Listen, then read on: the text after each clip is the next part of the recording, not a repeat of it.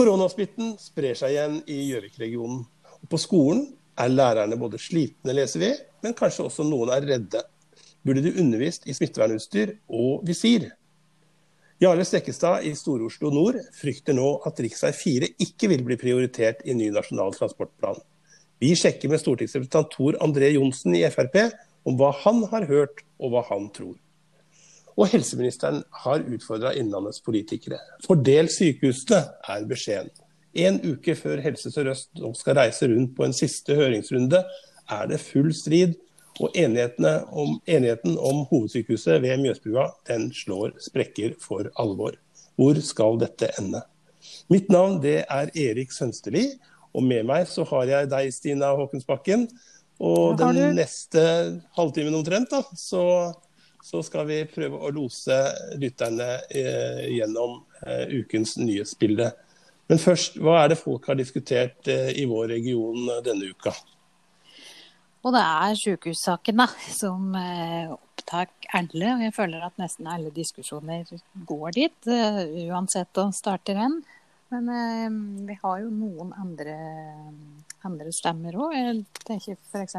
på prosjektlederen eh, for Kirkens Bymisjon i Gjøvik, i den der Jobb i Gjøvik, som skrev en veldig fin eh, kronikk her om dagen og takker for den mottagelsen dette tilbudet har fått i byen her. Det syns jeg var et flott innslag og, og godt å høre. Ja,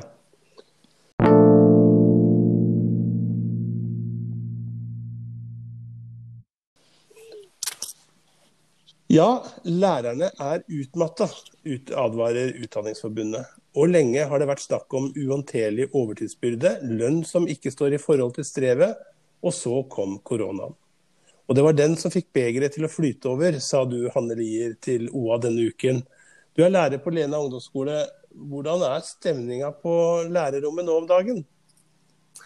Eh, ja, eh, nå er den vel ganske positiv med tanke på at vi er på skolen igjen. Vi har jo akkurat avslutta rødt nivå. Eh, og selvsagt så har jo noen da vært på skolen, men det har da vært annenhver dag. Eh, kontra nå på gult nivå, så er alle på skolen hver dag igjen, da. Så sånn sett så er det positivt. Men eh, jeg tror folk begynner å bli slitne av eh, å pendle litt sånn fram og tilbake mellom de forskjellige nivåene også. Mm. Ja. Fordi eh, det var en undersøkelse nå for ikke lenge siden som sa at eh, veldig mange lærere var eh, slitne. Ikke bare slitne, men utslitt, ja. ble det sagt.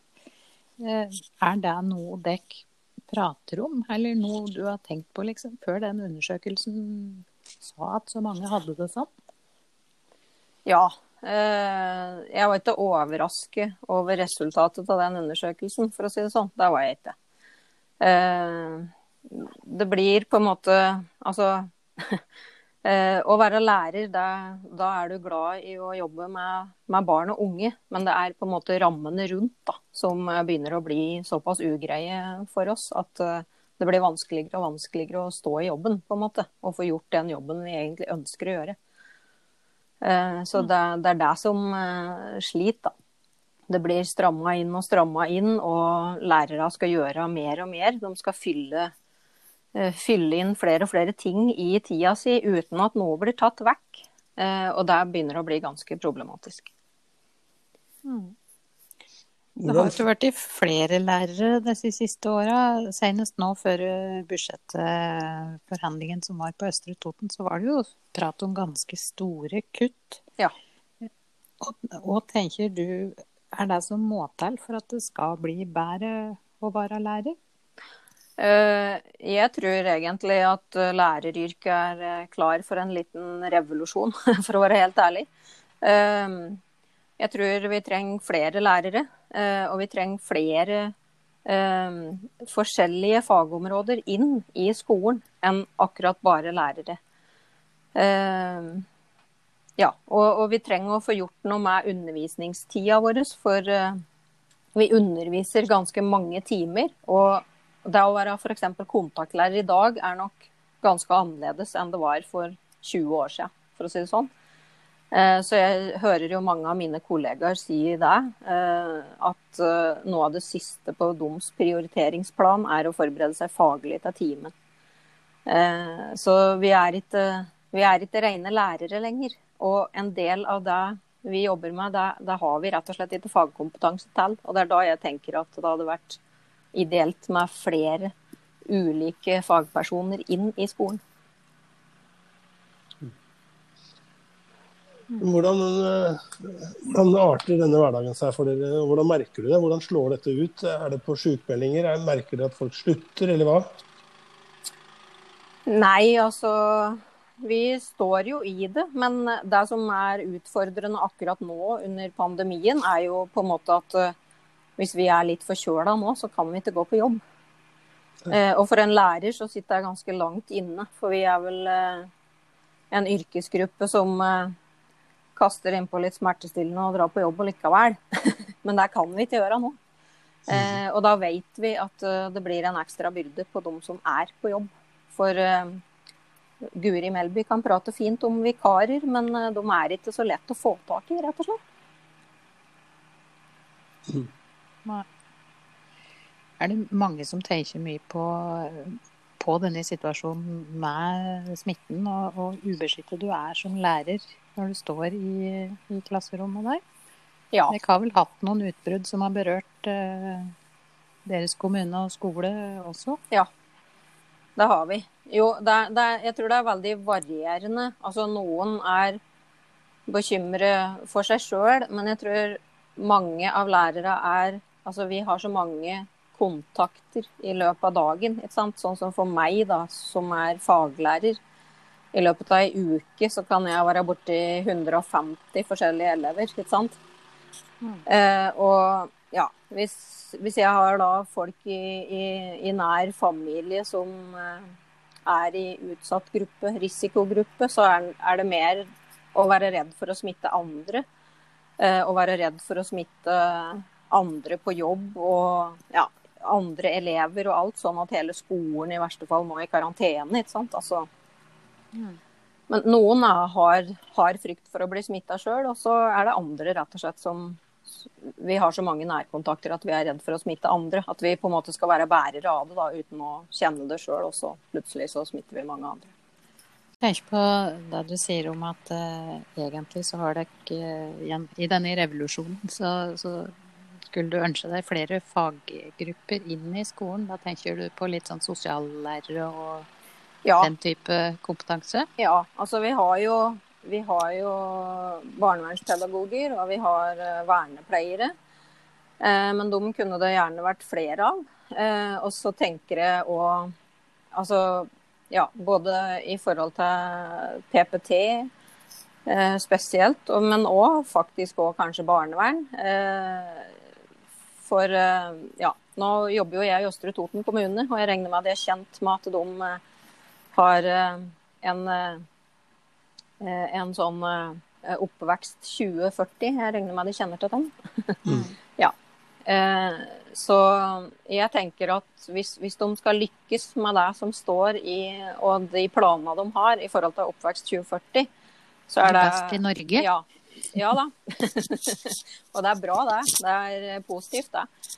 Men da, vi har en lang vei å gå dit, for det er ganske store sprik mellom det som er oppnådde ønsker i oppvekst 2040 kontra hverdagen i dag. Den er ganske stor. Men det er da jeg skulle ønske at eh, eh, Østre Toten og Toten generelt da, har vært veldig flinke til å, å uh, promotere stuttreist mat. Nå tenker jeg at nå må vi promotere kortreist kompetanse. Og Det betyr at hvis elever trenger hjelp, så må den hjelpa finnes på skolen. Da må du ikke vente i to måneder før du kommer inn hos en behandler et eller annet sted. Du snakka litt om smitte i stad. Eh, ville, du, vil du gjerne stått i smittefrakk og visir og munnbind for å beskytte deg sjøl mer? Nei, jeg ville ikke gjort det. Prater- Danskene gjør jo det. Ja. Mm. Eh, Nå prater jeg for meg sjøl, da. Jeg må si det. Eh, Jeg tenker at hvis, hvis eh, de lærere som ønsker å gjøre det, jeg tenker at det må være helt greit. Eh, Men eh, for meg ville det blitt veldig unaturlig. Eh, og jeg ønsker Nå er tida så unaturlig fra før at for min del så handler det om å gjøre den tida på skolen så naturlig som mulig for elevene våre, rett og slett. For det er så mye mm. annet unaturlig akkurat nå.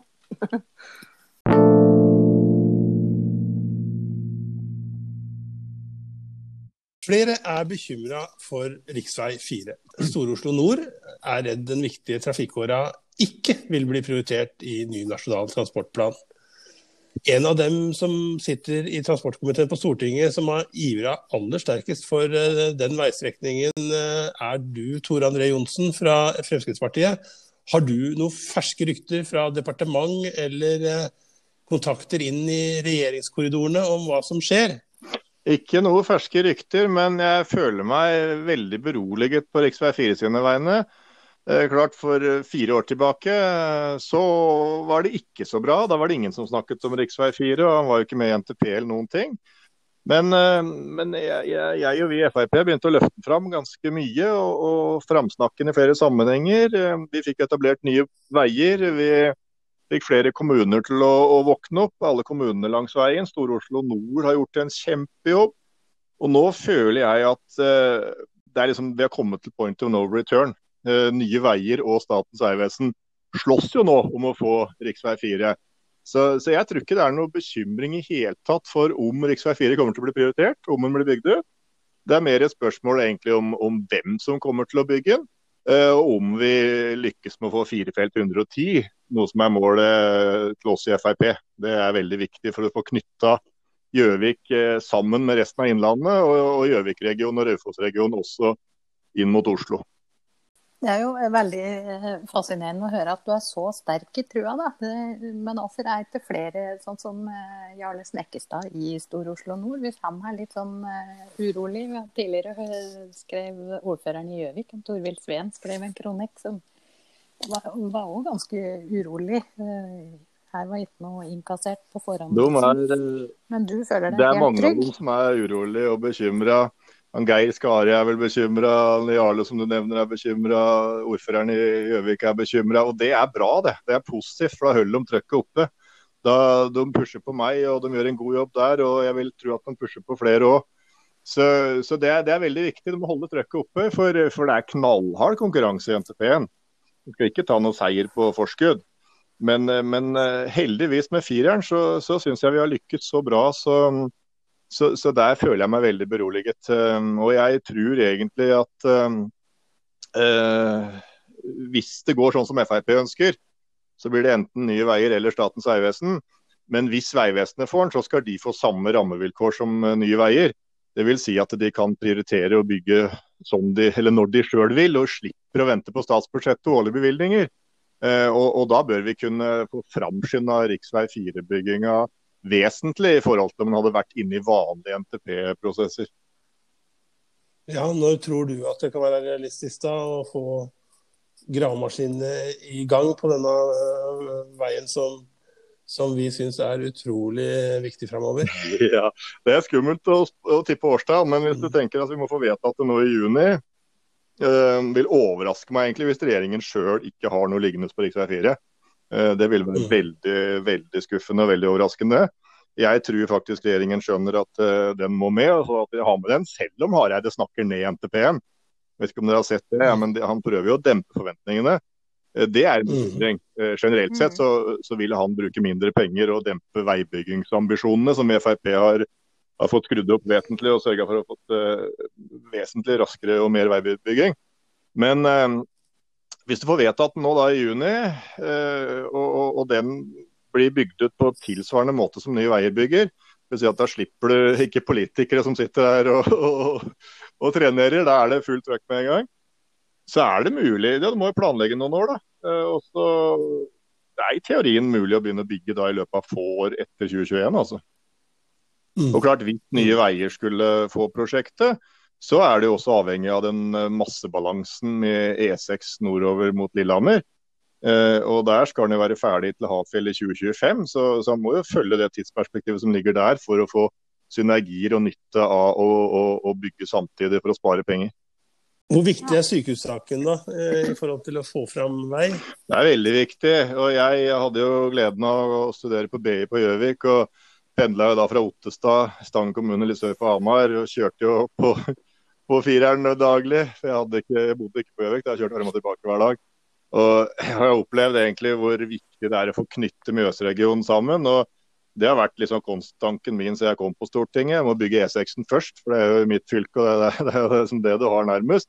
Eh, men nå er det ferdig. Vi er ferdig til, eh, til Mjøsbrua, og det kommer til å bli bygd fortløpende til Lillehammer.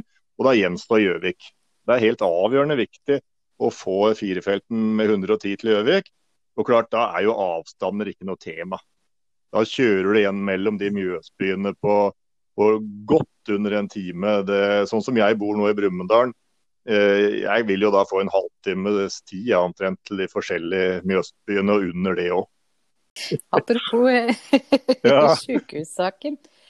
Nå er det Nå skal det bli eh, høringsrunde, og det, det koker. I, eh, for jeg som sitter imot disse leserinnleggene, så ser jeg jo det at folk er enormt opptatt av dette med sykehuset nå. Hvordan tror du dette det er, blir? Eh, vanligvis føler jeg meg ganske sikker i politiske saker. og jeg føler at vi har ganske god kontroll og vet hvordan ting vil gå. Men for første gang, vil jeg nesten si, og spesielt i den sykehussaken nå, så føler jeg alt er åpent.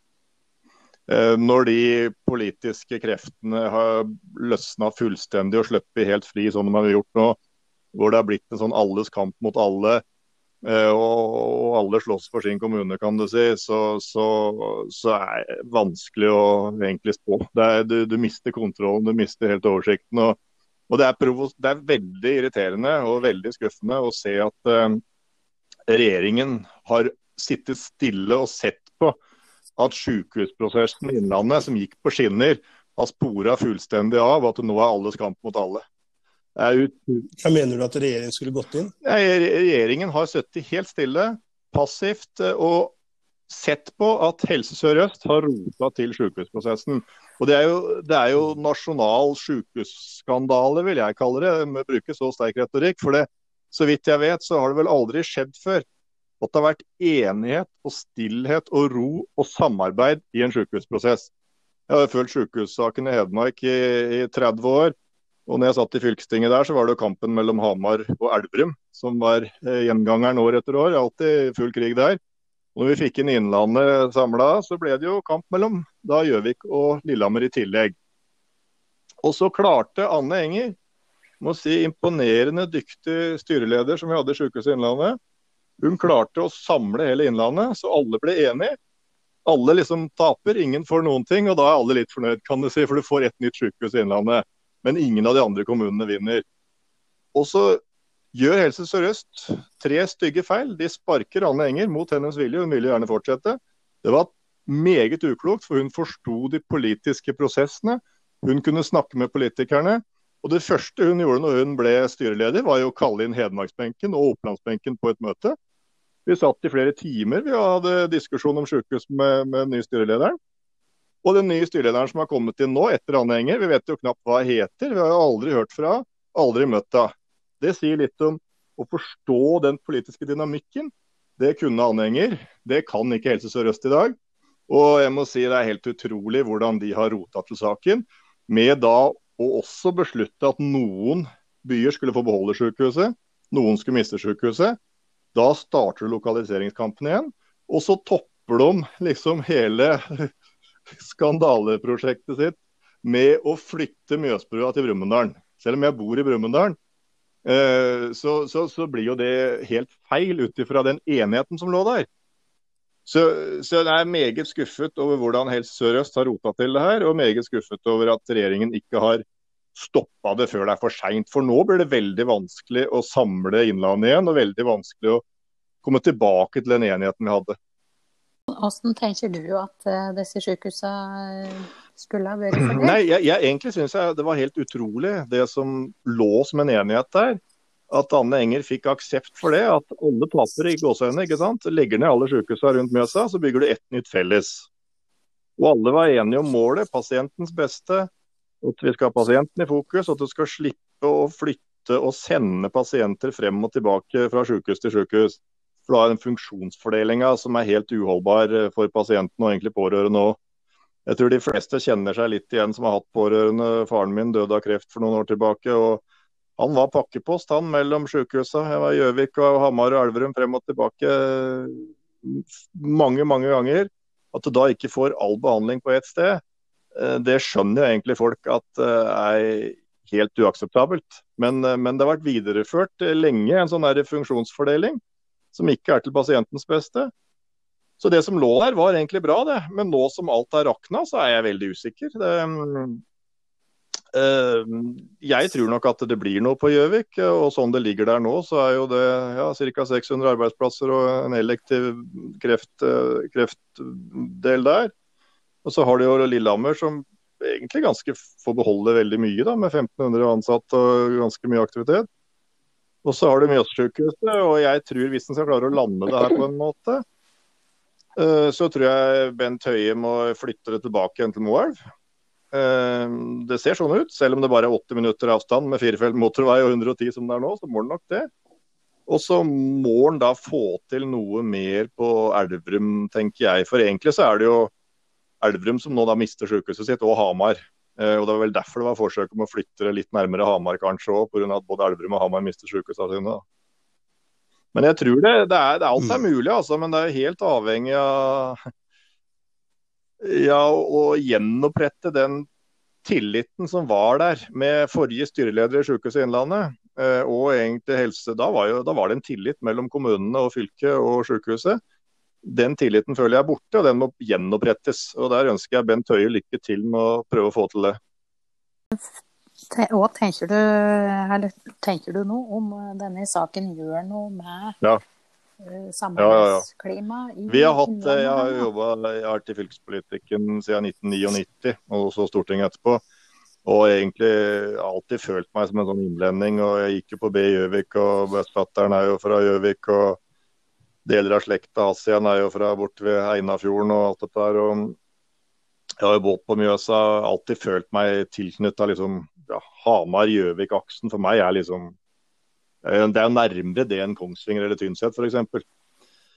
Så, så, men jeg ser i fylkestinget at det har vært krevende mange ganger. Eh, mange av de prosjektene vi har samarbeida med, har vært vanskelig å, å, å, samarbeide om. Men så kom vi inn på rett spor plutselig etter hvert, heldigvis. Eh, Eidsiva har jo funka ganske bra. Teater Innlandet har jo funka bra. Eh, samarbeidet på veisida har funka bra. Eh, før så krangla vi helt vilt der òg om alle mulige veistumper, men eh, det kom inn på rett spor. Og sykehussaken hvor det også var krangling, kom på rett spor. Og Det som da er helt utenkelig, som jeg ikke skulle tro var mulig, det er at her er det da nasjonale myndigheter og byråkratiske helseforetakene som ødelegger en lokal enighet som var der. Vanligvis er det motsatt. Det er full krig lokalt, og så må du kanskje inn fra, fra storting, regjering og, og helseforetakene og prøve å rydde opp i en uenighet.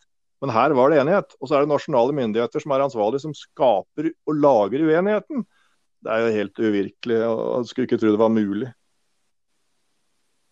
Hvordan leses det, og hvordan oppfatter du det? Altså, ja, oppfattes det på, på andre sida, hadde jeg nær sagt, at eh, eh hadlendingene Eh, så sterkt eh, gjør det klart at, eh, at, der kommer folk til å trekke innover mot Oslo hvis de trenger sykehus, eller, eller til Hønefoss og Ringerike, og at deler av Valdres kan forsvinne. Gjøvik tror jo også med å, å, trekke seg ut på en måte litt av Innlandet og, og, og se seg om etter å utrede et annet helse for, helseopptaksområde. Eh, Ser man det, og hvordan ser man på det? No, det, forstår, det, det, det, forstår, jeg ja. veldig godt. Men eh, jeg tror ikke den motstanden hadde vært så stor hvis Helse Sør-Øst og Sykehuset Innlandet bare i gåseøynene hadde flytta Mjøsbrua til Brumunddal.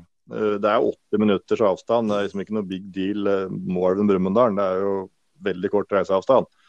Men helheten i prosessen er når de først sparker en styreleder som har full tillit, og de i tillegg begynner å rokke ved enigheten med at noen skulle vinne ved å beholde sykehusene sine, og noen skal tape med å miste sykehusene sine, og skaper den der konflikten med lokalisering og misunnelsen igjen, da, da er åtte minutter avgjørende viktig. Og det er nok det som har trigga Hadeland og Gjøvik-området. Men jeg tror for å, rydde, for å, mm. klare å lande den saken her nå, så, så er jeg overbevist om at Mjøssykehuset må justeres tilbake igjen til, eh, til uh, mål.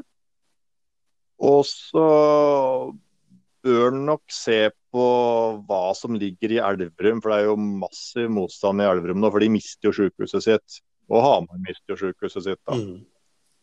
Og Det tror jeg opplendingene glemmer litt. altså. At uh, Både Gjøvik og Lillehammer får beholde sykehusene sine. Mens uh, at uh, det som er på, hvis en skal skille mellom Hedmark og Oppland igjen, sånn vi gjorde før, da, så, så, så, legges jo Hamar og Elverum ned, og så blir det et nytt et Moelv eller kanskje Brumunddal. Men her legger, altså på vestsida så legges det jo vekt på at uh, både den undersøkelsen og alt tilsier at legger du det til Brumunddal, så står det jo svart på hvitt at uh, rekrutteringsområdet til det sykehuset kommer ja. sørfra. Det. Så, uh, så at, at, skatteinntektene kommer til å renne inn kommunedørene til, til rådhusdørene til Nei, nei, Busterud. mens, mens mens på Gjøvik så er det hele forskjellen, de åtte minuttene. ikke sant? Fordi da blir det ikke rekrutteringsområde. Eh, og det trengs, det, det trengs eh, for å holde liv i, og, og, sørge for at den er, er sunn, den motoren, eh, Raufoss-Gjøvik. Og som kan bidra til hele Innlandet. Da. Det er vel omtrent langs de linjene debatten går på vår side, da, Stina. Ja, så må ikke glemme at vi mister Reidsvoll sykehus heller, da. Og så er det Jeg tror det er, det er mer enn to meninger om det blir sykehus det som blir igjen på Gjøvik. Noen har kalt det litt avansert. Men det har kreft, kreftenheten skal jo ligge der fortsatt, så vidt jeg skjønner. Og så forsvinner jo Sanderud, da. Det er en veldig stor arbeidsplass i Stange, hvis en skal tenke sånn. Men så er det også viktig å huske på at sykehuset er til for pasienten, da, ikke for arbeidsplasser og kommuneøkonomien. ikke sant? Så, så det, er jo, det, er jo, viktig å ha det perspektivet òg. Men det som provoserer meg voldsomt i samfunnsanalyser og i, i Helse Sør-Øst sin, sine resonnementer, det er den manglende politiske forståelsen. Den er helt fraværende. Og så er det manglende egentlig forståelse om bo- og arbeidsmarkedsregionen i Innlandet. Når vi nå blir ferdig med firefelts Lillehammer og får bygd ut Gjøvik òg, og du, du får bygd ut infrastrukturen bedre her, så, så, er jo ikke Det er jo ett bo- og arbeidsmarkedsregion. Jeg pendla jo til Gjøvik på slutten av 80-tallet, før det var noe firefelt i det hele tatt. Uh, veldig mange som jeg kjenner ja, på Hedmarkssida, pendler til Raufoss, industriparken der. Uh, direktøren på Forestia, Braskreisfoss, det er jo langt det er Våler kommune. Han bor jo på Gjøvik. Gamle rådmannen i Stange bodde jo på, på Raufoss. Uh, så Poenget mitt er at Innlandet er et god arbeidsmarkedsregion. Så å påstå at det skal være lettere for rekruttering hvis sykehuset flyttes fra Mål til Brumunddal, det argumentet føler jeg er basert på sviktende kompetanse om hvordan arbeidsmarkedet funker i Innlandet. Altså. Det er eh, du er en ambassadør for Mjøstriangelet, du, eller Mjøs, Mjøsbyprosjektet. Eh, og du har penna? Du har prøvd ja, å penne den veien? Du. Jeg vet hva det er. Og jeg, jeg, jeg vet også jeg, jeg, kjenner jo så mange, og jeg snakker med mange. og De jobber og bor om hverandre i Mjøsregionen. og Det er derfor jeg har vært så opptatt av å gjøre hverdagen enklere for alle oss i Innlandet som er avhengig av jobb og bo her i Innlandet. At du får en ordentlig vei eh, på E6-en. Den er jeg ferdig med, og da mangler bare fireren. Og da håper jeg at denne lokaliseringsdebatten vil dempe seg. altså så veit jeg at Stina blir veldig glad, som jo er fra Totenvika, når jeg sier at eh, du er jo en sånn båtmann som liker å ferdes på Mjøsa. Og, eh, og, og, og syns livet er godt å leve når du kan lande i Totenvika og ta deg en bedre middag der. Det er helt perfekt. Den beste båtopplevelsen fra i sommer var jeg tok jeg poteten på Helgøya. Eh, tok desserten til poteten på, på Kapp eh, hos Urbane Totninger. Og så over til Helgøya og sove over der i båten. Og frokosten på Atlogstad. Og tilbake igjen til uh, Oppland og Totenvika og spiste lunsj. Så det, det, var liksom morsomt. Da hadde vi reist øst og vest frem og tilbake flere ganger i løpet av et døgn omtrent. Det er det er jo, og Mjøsa er veldig bra. for det, det er faktisk mange fra Hamar som drar over til eh, Gjøvik og Toten-sida med båt, og motsatt. Mange fra Gjøvik og Toten som drar til eh, både Helgøya og til Hamar og, og Brumunddal. Så, båtfolket forener Innlandet. Altså. Mm. Da jeg var liten, så, så var det fotballstadion ute i eh, Evja der, der som Viken 2 ligger nå. Da, kommer, da ble jeg plassert på en sånn sjølgående grasklipper. Så jeg drev og kjørte rundt og klyfte gresset på fotballbanen der som campingvognen står i dag.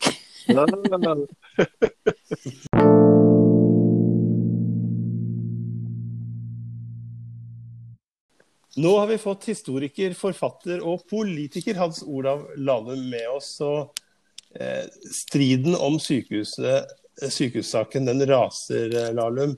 Hva er dine perspektiver på det altså, akkurat nå? En ting jeg vel tror det er ganske bred enighet om, er at det er en sak som har vært uavklart over lang tid, og at det er sterkt ønskelig med en avklaring. Og Så er det jo det klassiske dilemmaet at det er veldig sterk uenighet og ulike argumenter for hvilken løsning man bør uh, lande på. Jeg tror nok at det nå tvinger seg fram en avklaring, i hvert fall for noen uh, tiår uh, framover. Og så er jo jeg også, da, eh, og partiet jeg er aktiv i, SV, er jo også et parti som er uenig i den løsninga som er eh, foreslått nå. Vi er egentlig skal jeg si, ikke så veldig overrasket, men vi er likevel veldig skuffet.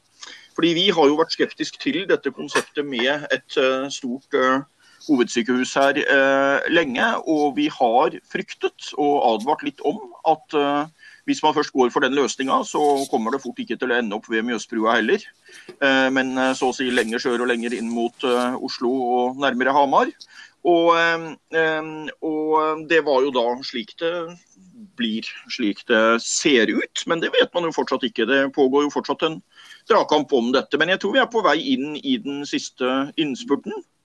Og så er det jo bra på veldig mange måter at det er et stort folkelig engasjement rundt dette. For dette er jo viktige spørsmål i, uh, i lokalsamfunnene og i, uh, og, og i, demokratiet vårt. Og så er det jo fra mitt, og, uh, mitt ståsted og fra ståstedet til det partiet jeg representerer, så er det jo veldig betenkelig at dette er avgjørelser som ikke ligger i folkevalgte organer, men som ligger nå inne i, inne i foretakene med foretaksmodellen og styrebeslutninger der. Det er litt spennende det du sier med, med, det folkelige engasjementet. For vi ser jo kommentarfeltet er, er fulle av folk som har eh, La oss si litt forskjellige oppfatninger av både fakta og hvordan ting fungerer og har fungert, ikke minst. Du er jo USA-ekspert. Eh, tankene går jo litt til polarisering i, i, i samfunnet. Syns du dette er eh, overraskende? At vi ser at det er såpass harde fronter og mye tøffe meninger? Jeg synes at uh, det er et av de spørsmålene hvor det er lett forståelig at det kaller fram sterke følelser. Så er det verdt å huske på det i kampens hete hvordan man omtaler meningsmotstandere, hva slags argumentasjon man bruker overfor de som er saklig uenige med dem med en selv, og særlig da i en sak som er så komplisert som dette. Vi ser jo også at det er sterkt delte meninger, f.eks. blant leger og andre personer som har veldig god innsikt i dette. Så er det også sterkt delte meninger, og det må man ha eh, respekt eh, for. Når det er sagt, så er det, jo, eh, det er jo på mange måter positivt at det er et stort engasjement både i kommentarfelter og rundt kafébordene, i den grad kafeene er eh, åpne og har gjester nå, så er det jo et stort engasjement rundt dette. Og jeg tenker at det er veldig naturlig. Det er på en måte slik at sykehusstruktur, i likhet med skolestruktur, er jo eksempel på beslutninger som går veldig inn i hverdagen til folk. Påvirker direkte hvordan eh, folk selv, familiene deres uh, osv. lever sine liv. Hvilken situasjon man har i hverdagen. Og Det er helt naturlig at det er et sterkt engasjement rundt det, men verdt å tenke godt over hvordan man uttrykker seg, særlig overfor de som er helt uenig med en.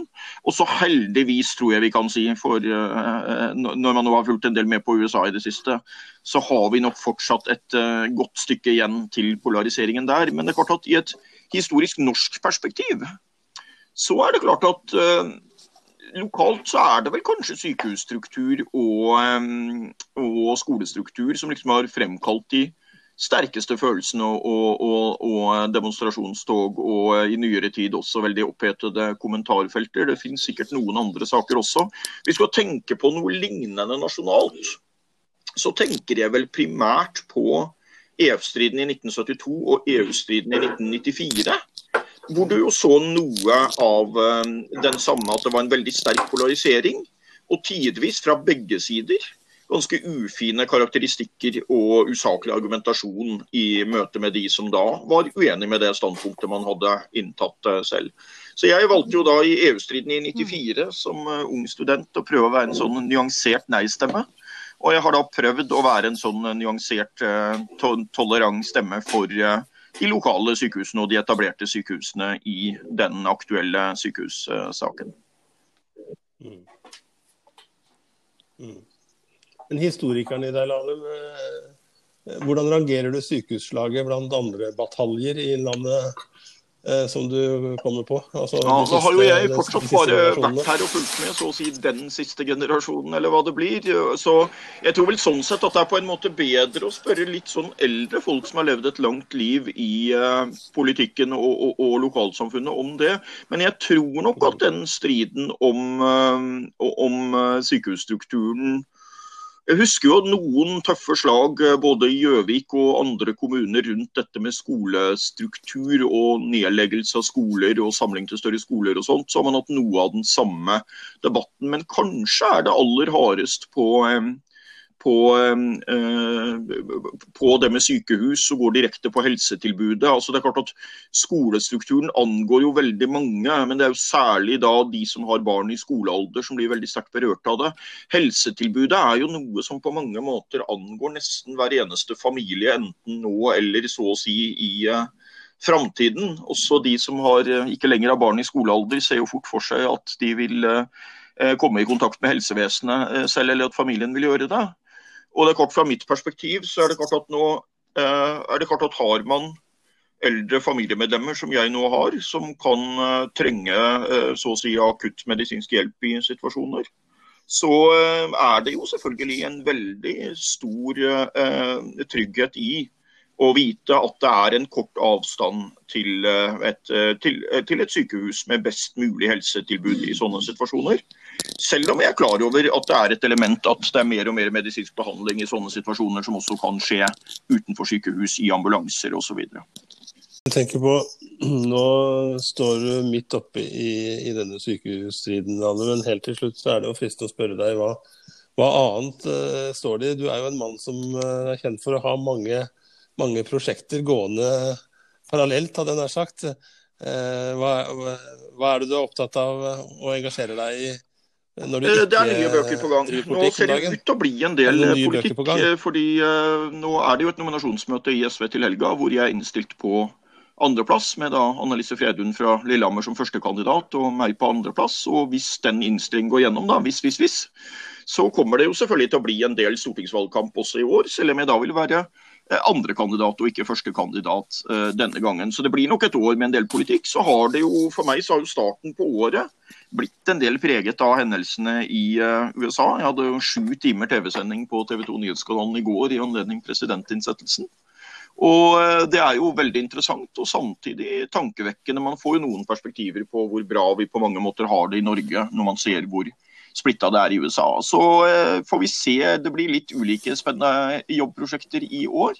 Eh, jeg har jo spøkt litt med at uh, I fjor kom vi jo med tre bøker, og da spøkte jeg jo litt med at forlagene kan jo ikke satse på sånne latsabber og dovenpelser som bare kommer med to bøker i året.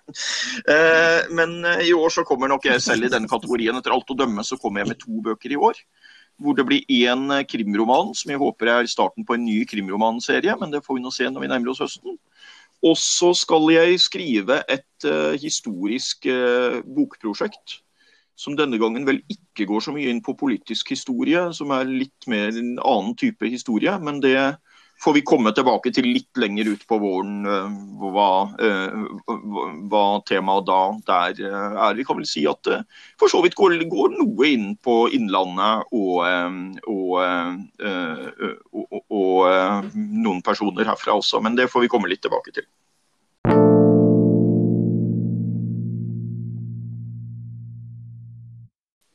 Ja, Stina, da er vi kommet til ukens blomst. da. Vi får vel dele ut, eh, dele ut det. Hvem, hvem er det du eh, har pekt deg ut som en velfortjent eh, blomstermottaker?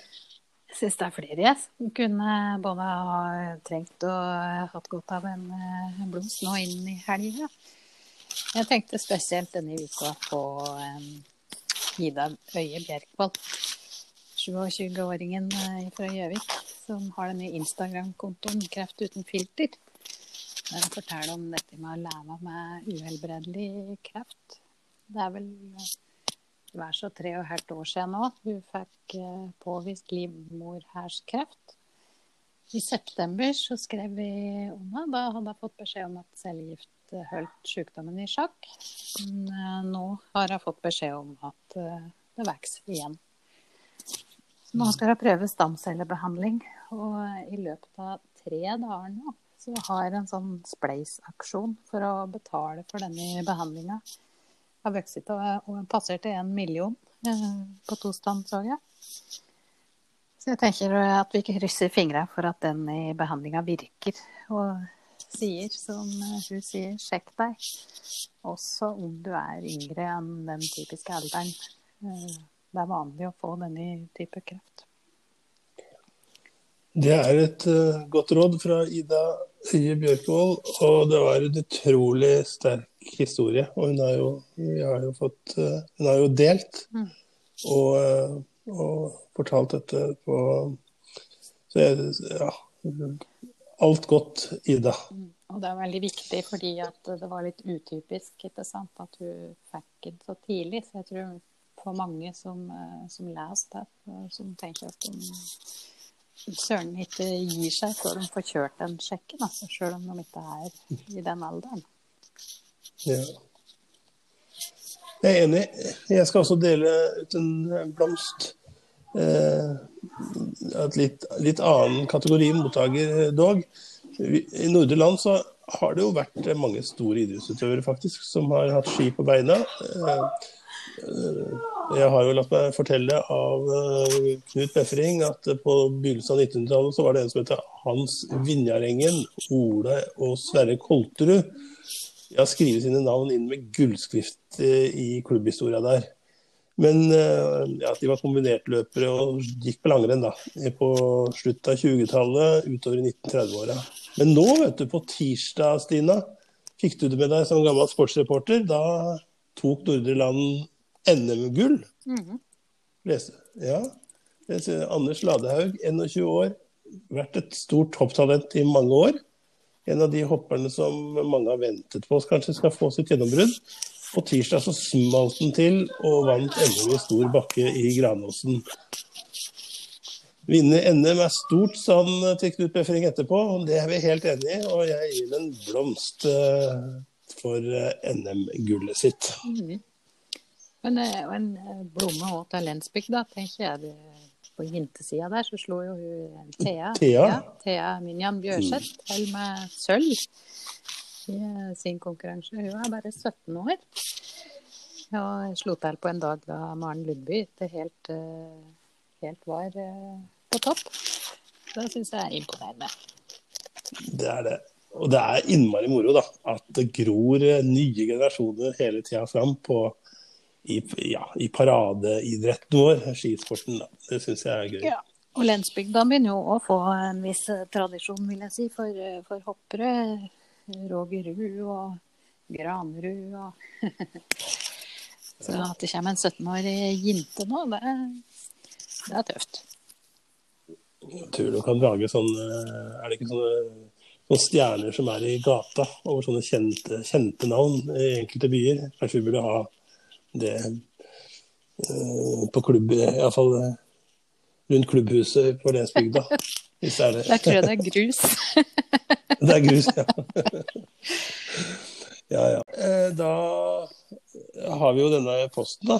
Hva skjer i helga? Ja, det var det. Har du Ja, har du uh, lett med lys og lykte denne gangen? Forrige gang så fant du jo egentlig ingenting. Jeg har uh, strengt tatt ikke helt oversikt jeg nå, altså.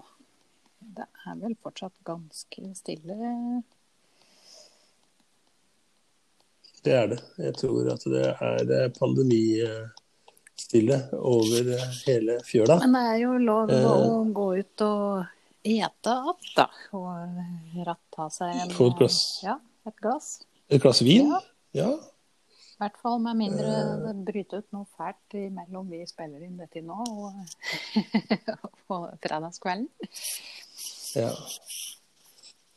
Og uh, Tor André Johnsen, som uh, har vært med oss uh, i dag, han, eh, han var veldig på om jeg hadde fått med meg at, eh, at eh, Frp hadde ordna opp i det. Det var jo et eh, stortingsflertall som, eh, som vi ja. trossa regjeringen og var litt sterkere på det. da. Det er vel faktisk eh, Han skal kanskje få det, at, eh, at det var FrPs oppri forslag opprinnelig. Ja, eh, men da er det ikke så mye som gjenstår, eh, kanskje, Stina. Annet enn å eh, runde av. Takke gjestene våre. Ja, Takke de som har hørt på, da. absolutt. Thank you.